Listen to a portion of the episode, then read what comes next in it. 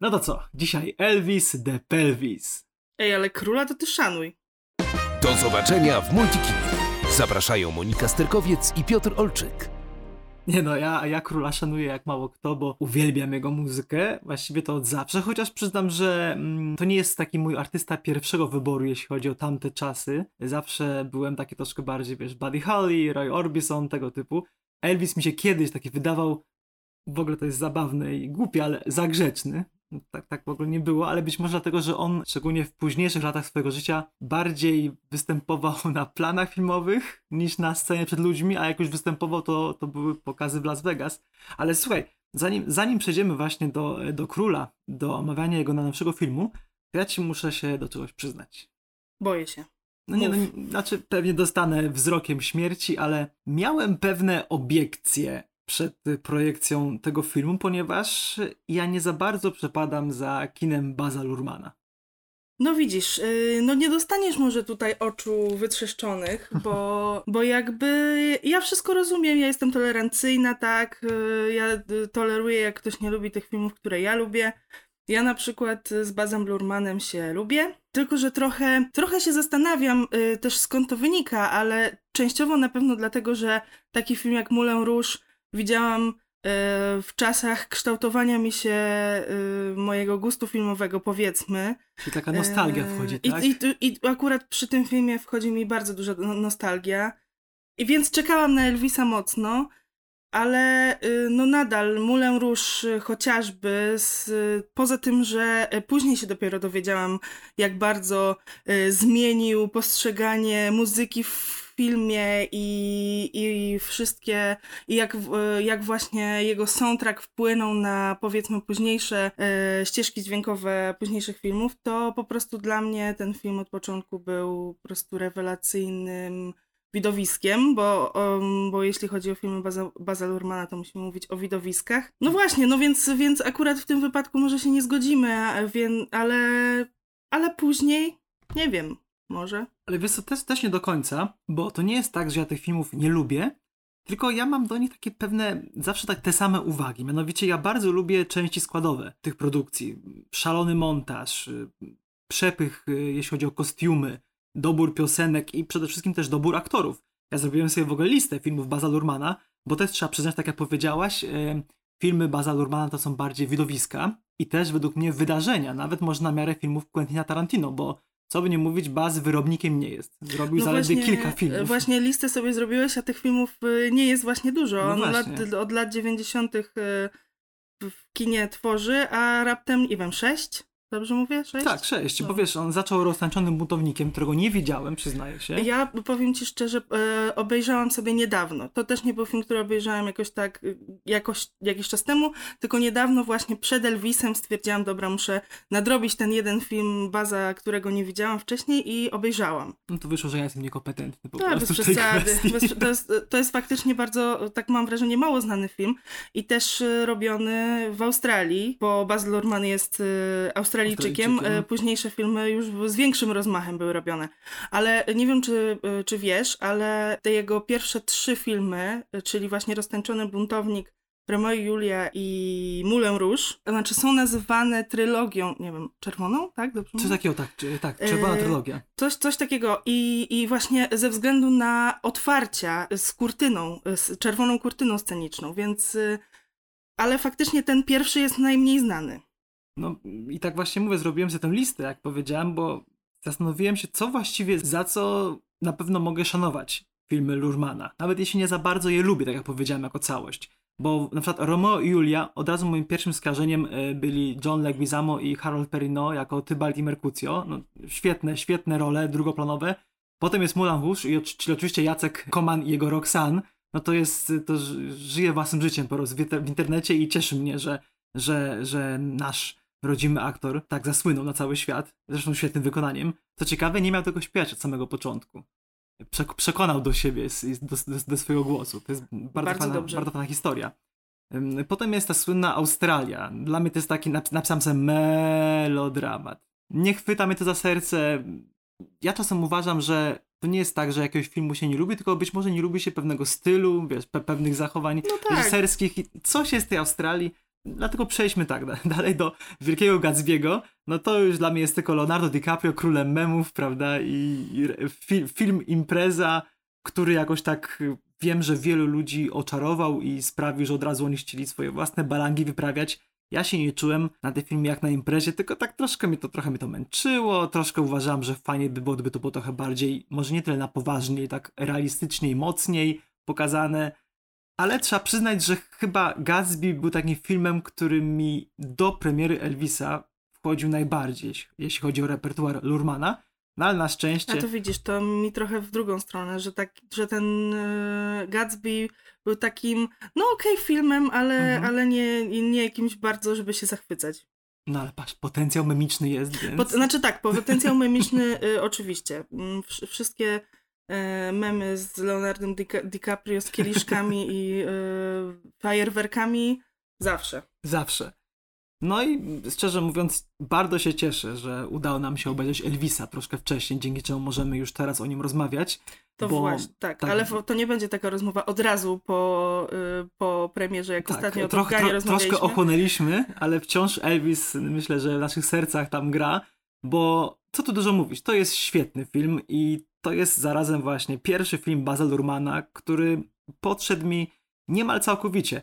Mówię niemal, bo ja wciąż mam takie swoje, wiesz, tam ma- malutkie uwagi. Przede wszystkim yy, musimy ostrzec. Film trwa ponad 2,5 godziny.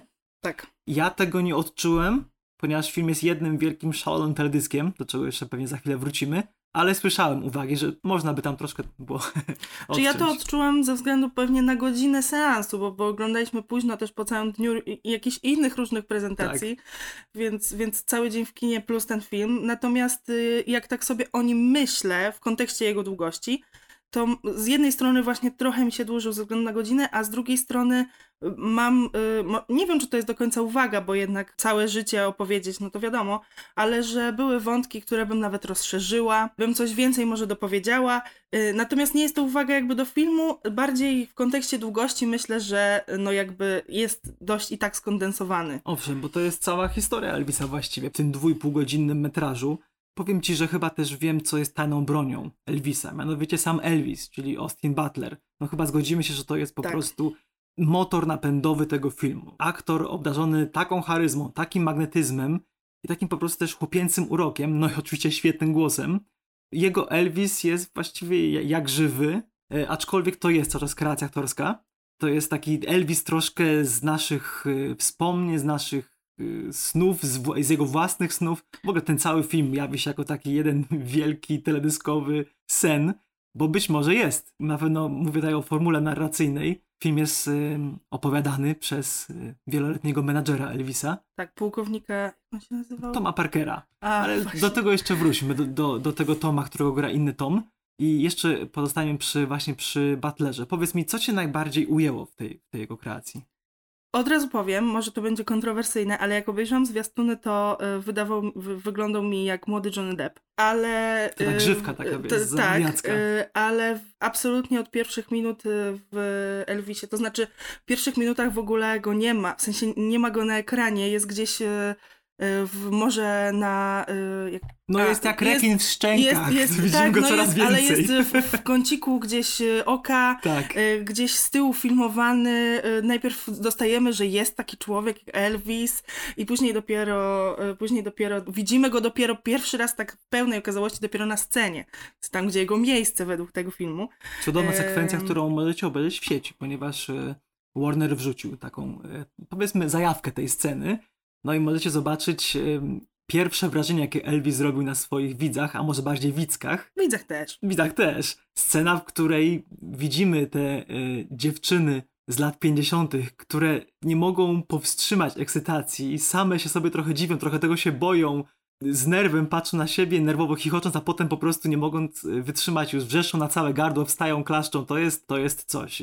E, Wszyscy wiedzieliśmy, że, że tak to będzie wyglądało. Znamy e, obrazy od dekad, jak Beatlesi grali, jak właśnie jak Elvis grał, ale trzeba przyznać, że Baz tę scenę zrealizował po mistrzowsku. No ja poczułem mega ekscytację, mimo że byłem po prostu widzę na sali kinowej. Tak, ale też... Austin y, jest tak dobry, naprawdę. Też właśnie wracając do tego Austina, że w, w, całym filmie w żadnej scenie nie, nie pomyślałam sobie, o ten aktor wygląda jak ktoś inny. Tylko po prostu to był Znaczy, może jak Elvis, ale, ale po prostu ten aktor po prostu był Elvisem i był kre tą kreacją aktorską, był swoją własną postacią i to było wspaniałe. Myślę, że gdyby do tej roli był zaangażowany ktoś inny, tam bodajże wiem, że Harry Styles, Miles Teller, był e, Ansel Elgort, z tego co pamiętam. No, nie wiem, nie chcę gdybać, bo nie widzieliśmy filmów z alternatywnego wszechświata z tymi aktorami, z którymś z tych aktorów, ale wydaje mi się, że bez Austina Butlera ten film mógłby być gorszy, po prostu gorszy, ja to powiem, powiem wprost, bez ogródek.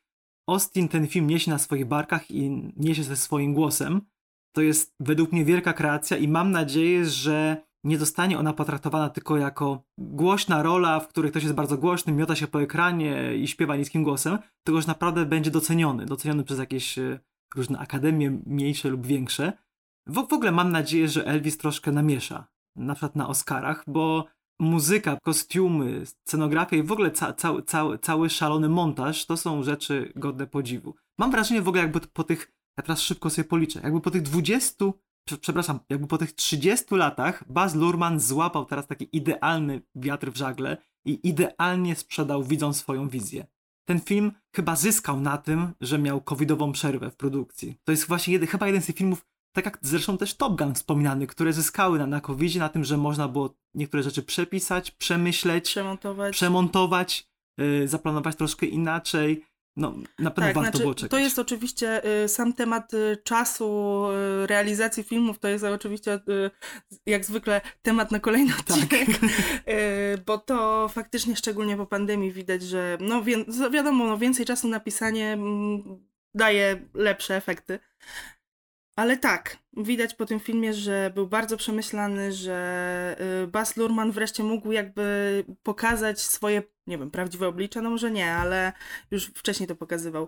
Y, ale mam... Przecież robiąc film o Elvisie większym niż życie, mógł zrobić film większy niż życie i naprawdę trudno jest zarzucić Bazowi teraz, że przesadził, ponieważ on opowiada o facecie, który naprawdę przesadzał przez całą tak, karierę. Tak, właśnie. Przesadzał no, pozytywnie też. Idealny po prostu temat. Y, film jest, y, ma pro, właściwie prostą historię, y, podaną oczywiście w zainscenizowanych, może nie chaotyczny, ale bardzo krzykliwy i bazowo-lurmanowy sposób.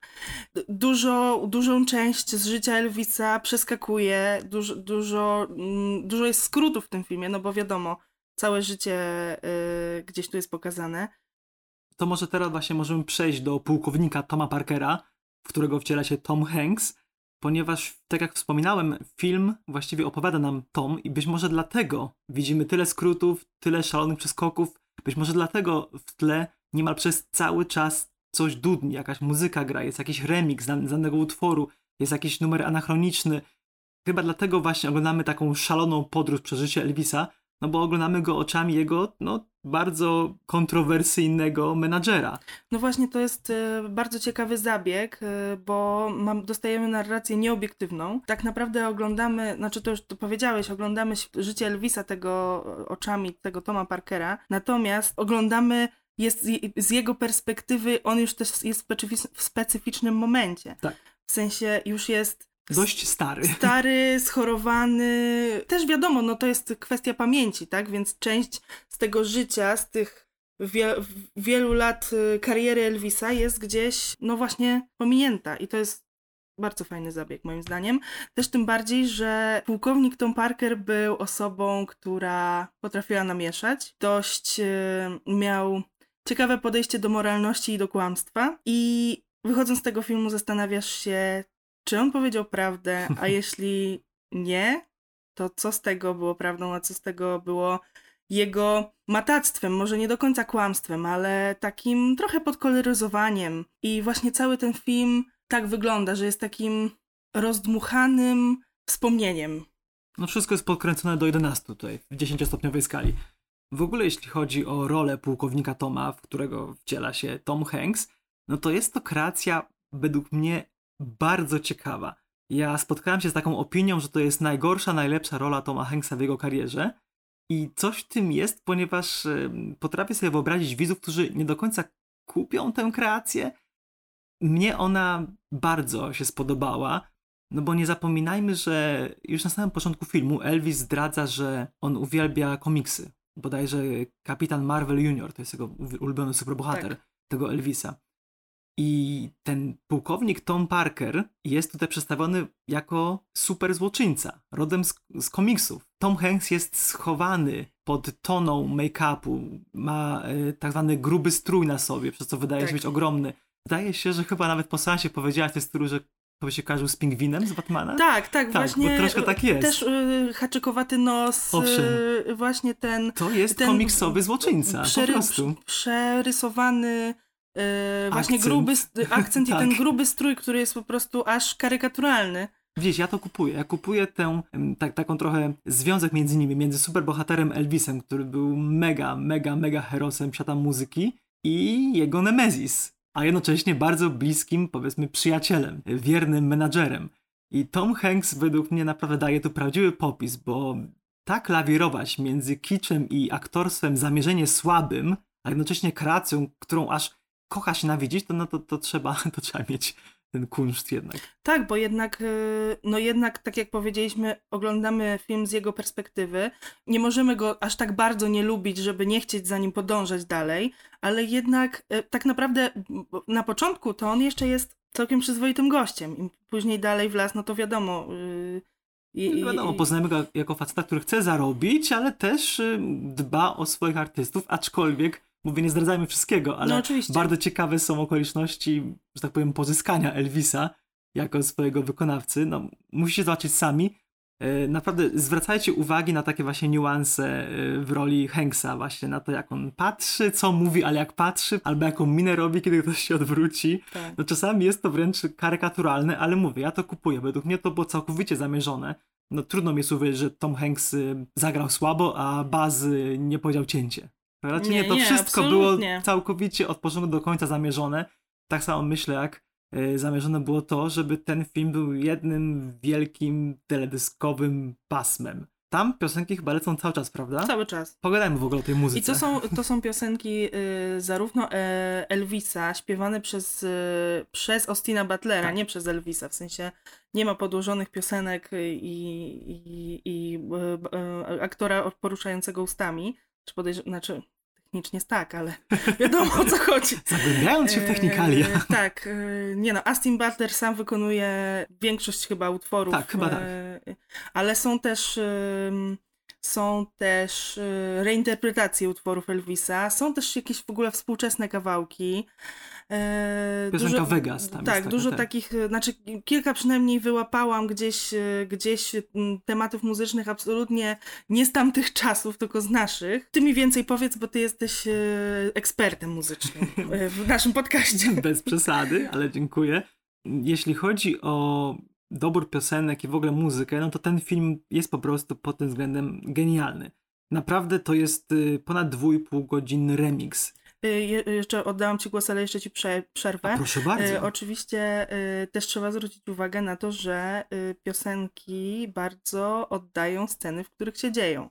Nie ma tak, że lecimy tak, lecimy po kolei jak Elvis tworzył, lecimy po kolei piosenkami, które gdzieś są z tych okresów, w których on tworzył, tylko są tematycznie dobrane pod sceny. Tak, aczkolwiek chciałbym tutaj twoją wypowiedź rozwinąć, że twórcy ym, trzymali się chronologii. Czyli faktycznie Elvis zaczyna od That's Alright, potem y, słyszymy na przykład jego, jego wersję piosenki Hound Dog, ale masz rację, te sceny zostały napisane tak, żeby te piosenki coś znaczyły, a nie były tylko muzyką w tle. No, legendarna już scena z piosenką Trouble jest po prostu świetna. Właśnie Trouble, czyli kłopot, śmieje się, bo tam Elvis trochę specjalnie sam wpada w kłopoty, buntując się przeciwko narzuconym mu regułom. Bo musimy pamiętać, że Elvis, który dzisiaj wydaje nam się, może nam się wydawać grzecznym chłopcem z gitarą, który ma ładne stroje i trochę podryguje, no wtedy był po prostu obrazą moralności, obrazą majestatu i w ogóle obrazą wszystkiego. że w ogóle mam wrażenie, że powinniśmy w ogóle tutaj, w tym momencie właśnie, e, wyjaśnić żart z początku. Ach, oczywiście. e, Ponieważ Elvis załapał. Pelvis, czyli Elvis Miednica, Tak. wzięło to się od tego, że e, tak po prostu ruszał biodrami zamaszyście, co oczywiście siało zgorszenie w, społecz- w społeczeństwie. Szczególnie, że w tamtych czasach bardzo e, były stosunki y, rasowe, znaczy rasowe oczywiście w cudzysłowie, więc on kojarzył się z tą niekorzystną dla... Wizję świata dla białej Ameryki, Tak, która nie, nie, nie uznawała e, dziedzictwa e, swoich ciemniejszych sąsiadów. No tak, właśnie, zobacz, jak płynnie wróciliśmy troszkę do tematu piosenek, ponieważ e, Elvis i w filmie, i w prawdziwym życiu promował e, muzykę czarnych wykonawców, preferował ją nawet nad muzykę białych. Jest to świetnie pokazane w scenie, w której e, takie troszkę nudne białe country jest zestawione z mega, mega energetycznym e, bluesem i rock'n'rollem. Tak, zresztą y, sam początek, kiedy, kiedy Tom Parker pierwszy raz słyszy utworu, no i mówi sobie, aha, dobra, no jakiś tam typek sobie śpiewa pewnie z właśnie afroamerykańskiej społeczności Tak. i ktoś mówi, ale ten, on jest biały. I wszyscy Mhm. są, on jest biały? Ale jak to? Tak, cała masa ludzi w ogóle właśnie w prawdziwym życiu, kiedy został wyemitowany ten y, single That's Alright, dzwoniła do radia pytając się, co, który to z tych czarnych wykonawców jest.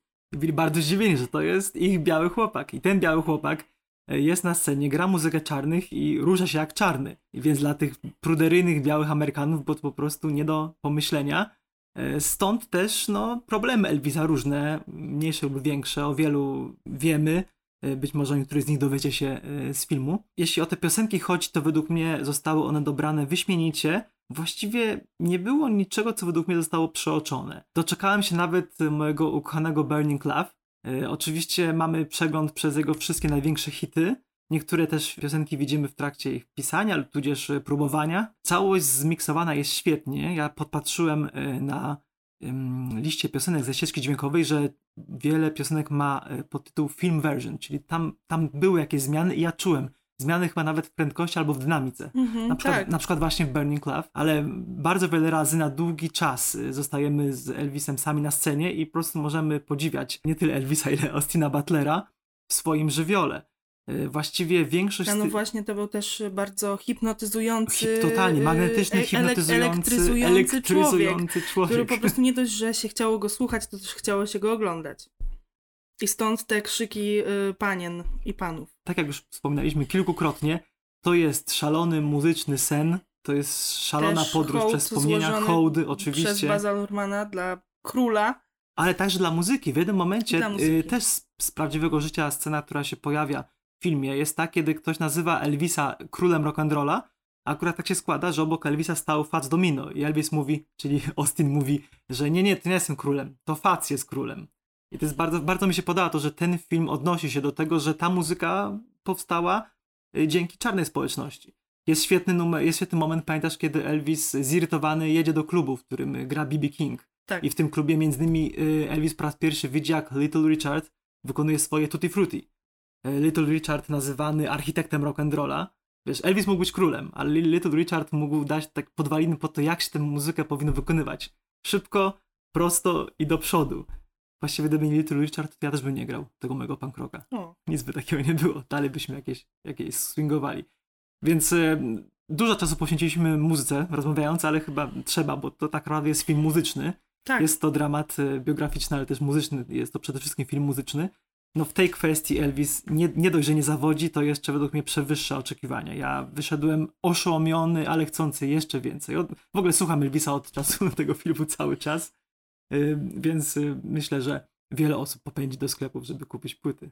A ty w ogóle powiedz mi, po, powiedz mi Monika, ty piosenki Elvisa znasz, nie wiem, jakoś tak z radia, czy z jakiejś No płyty, właśnie, czy z jakiejś... no właśnie, słuchaj, bo y, to jest bardzo ciekawe, znaczy ciekawe. Ja Elvisa piosenki znałam wcześniej, nie znałam y, jakby całych okoliczności jego życia, ale znałam trochę, kilka piosenek wcześniej, a to za sprawą y, mojego filmu dzieciństwa. Filmu dzieciństwa, który oglądałam nie wiem ile razy, niezliczoną ilość razy, ale później słuchałam też y, soundtracku i tam akurat były piosenki Elvisa i to jest Lilo i Stitch. Oczywiście. I to jest po prostu, i tam też jest piękny hołd złożony dla Elvisa. Lilo, y, fanka po prostu Elvisa, próbuje uczyć swojego ym, pupila, y, Pupila. pupila, tak, próbuje go uczyć, jak żyć właśnie na podstawie y, życia i piosenek Elvisa. I to po prostu y, mi zapadło bardzo w pamięć. Ja tam nie bardzo śledziłam losy Elvisa Presleya, nie, y, nie sprawdzałam, nie, nie, nie wygooglowałam go wcześniej, ale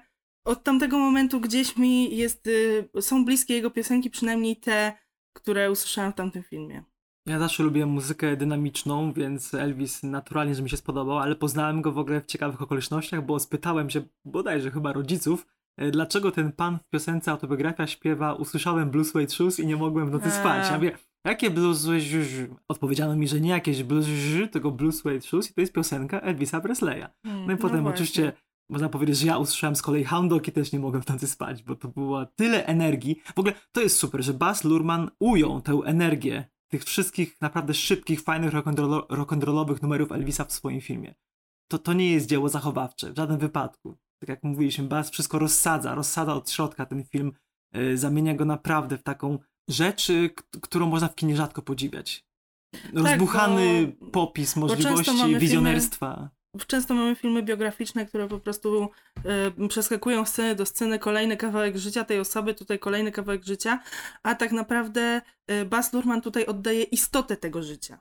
Co, co, co stało po prostu za tym fenomenem Elvisa Presleya. ale jednocześnie na szczęście dla mnie, dla osoby, która, no nie, powiedzmy, trochę przeszkadzało mi zawsze taka umowność, która bije z filmów yy, Baza. W Elvisie tej umowności jest bardzo mało. Film jest dość realistyczny. Nikt tutaj nie wznosi się ku chmurom, nie ma, tak, nie ma tego typu tak, scen. Wszystko jest zmontowane bardzo szybko, bardzo dynamicznie i efektownie, ale jednak trzyma się, trzyma się reguł świata przedstawionego i być może dlatego właśnie Elvis takim podpasował, bo to jest zarówno fajna, rzetelna dość i wierna biografia, jak i no, szalony film muzyczny, którego soundtracku chcecie słuchać na okrągło. Ja na pewno będę słuchał. Soundtrack na razie jest dostęp- dostępny tylko w jednej z sieci streamingowych, ale mam nadzieję, że wkrótce będzie można go kupić. Chyba od 24 czerwca, moi drodzy, więc jakby co to... Czyli od tego momentu, kiedy film wychodzi. No właśnie. No, to tak jak ty powiedziałeś, że y, ten film po prostu ci zostanie i to jest y, jeden z twoich, Na pewno, twoich tak. najlepszych y, filmów Baza Lurmana, które widziałeś, podejrzewam. Tak. Podejrzewam z, z jego być może nie, nie dużej filmografii. No to u mnie z sentymentu Moulin Rouge będzie na pierwszym miejscu, Baz zaraz za nim. Baz, czyli Elvis. Baz, czyli, przepraszam, Elvis. Elvis, tak, ale- oczywiście Baz, nie, nie Baz Astral, który też jest w kinach, Tak. e, tylko Baz Luhrmann z Elvisem. Bas, który nam przed seansem y, w nagranie wiadomości podziękował i, i zapowiedział, że to będzie niesamowita podróż i Tak. y, miał rację, miał rację skubany, naprawdę. Tak, i Baz Luhrmann z e, paskiem z napisem Elvis e, świecącym. I w ogóle te świecące napisy, e, znaczy świecące, neonowo, e, złoto, kryształowe napisy, wspaniała rzecz. Tak, i mówimy też o logotypach, na przykład Warner O Bros., logotypach, prawda? tak, o logotypach Warner Bros. i na końcu o logotypie też e, jakby filmu, tytułu. Tak, film, film mm, także montażowo, tak jak powiedziałem, zachwyca. Ciągle mamy do czynienia z jakimiś różnymi czcionkami, y, sposobami na dzielenie kadru. W jednej ze scen Elvis wyrzuca z kadru gitarę, którą łapie w drugiej scenie. Po prostu co tam się dzieje, Tak, Albo naprawdę. to, to też w zwiastunie e, te takie przejścia z różnych koncertów w różnych strojach w tej Tak, samej pozie. Tak, bardzo, bardzo, bardzo fajne. W ogóle, jak ktoś lubi kostiumy w kinie i pasjonuje się to, tym, to no, Elvis jest filmem, filmem na pewno dla niego lub, lub dla niej. Kurczę, tak się podjarałem, że chyba pójdę jeszcze raz na seans, jak będzie wreszcie grany, bo podobnie jak Top Gun zachwycił nas y, w takiej kwestii filmowego rzemiosła, szczerego, dobrego, tak myślę Elvis zachwyca i oszałamia nas swoim rozmachem i taką nieskrępowaną, dziką energią, którą ten film wyzwala w swoich widzach. Tak. Proponuję e, pójść wyspanym A tak. e, i, i proponuję pójść też e, po długim spacerze, żeby można było sobie spokojnie usiąść na te dwie i pół godziny. I ostrzegam, że y, jeśli tylko macie jak ja, że lubicie sobie nucić w kinie, to będziecie nucili właściwie cały czas. Cały czas. No to w tym odcinku chyba na tyle. No bo mówić, że Elvis żyje, to nie musimy, prawda? Nie, absolutnie. Wiadomo, że Elvis żyje. Oczywiście. A w naszych sercach to już wiadomo, że. że Oczywiście. tak. Mówili do Państwa Monika Sterkowiec. i Piotr Olczyk. Do usłyszenia w następnym odcinku. Do zobaczenia w Multikinie.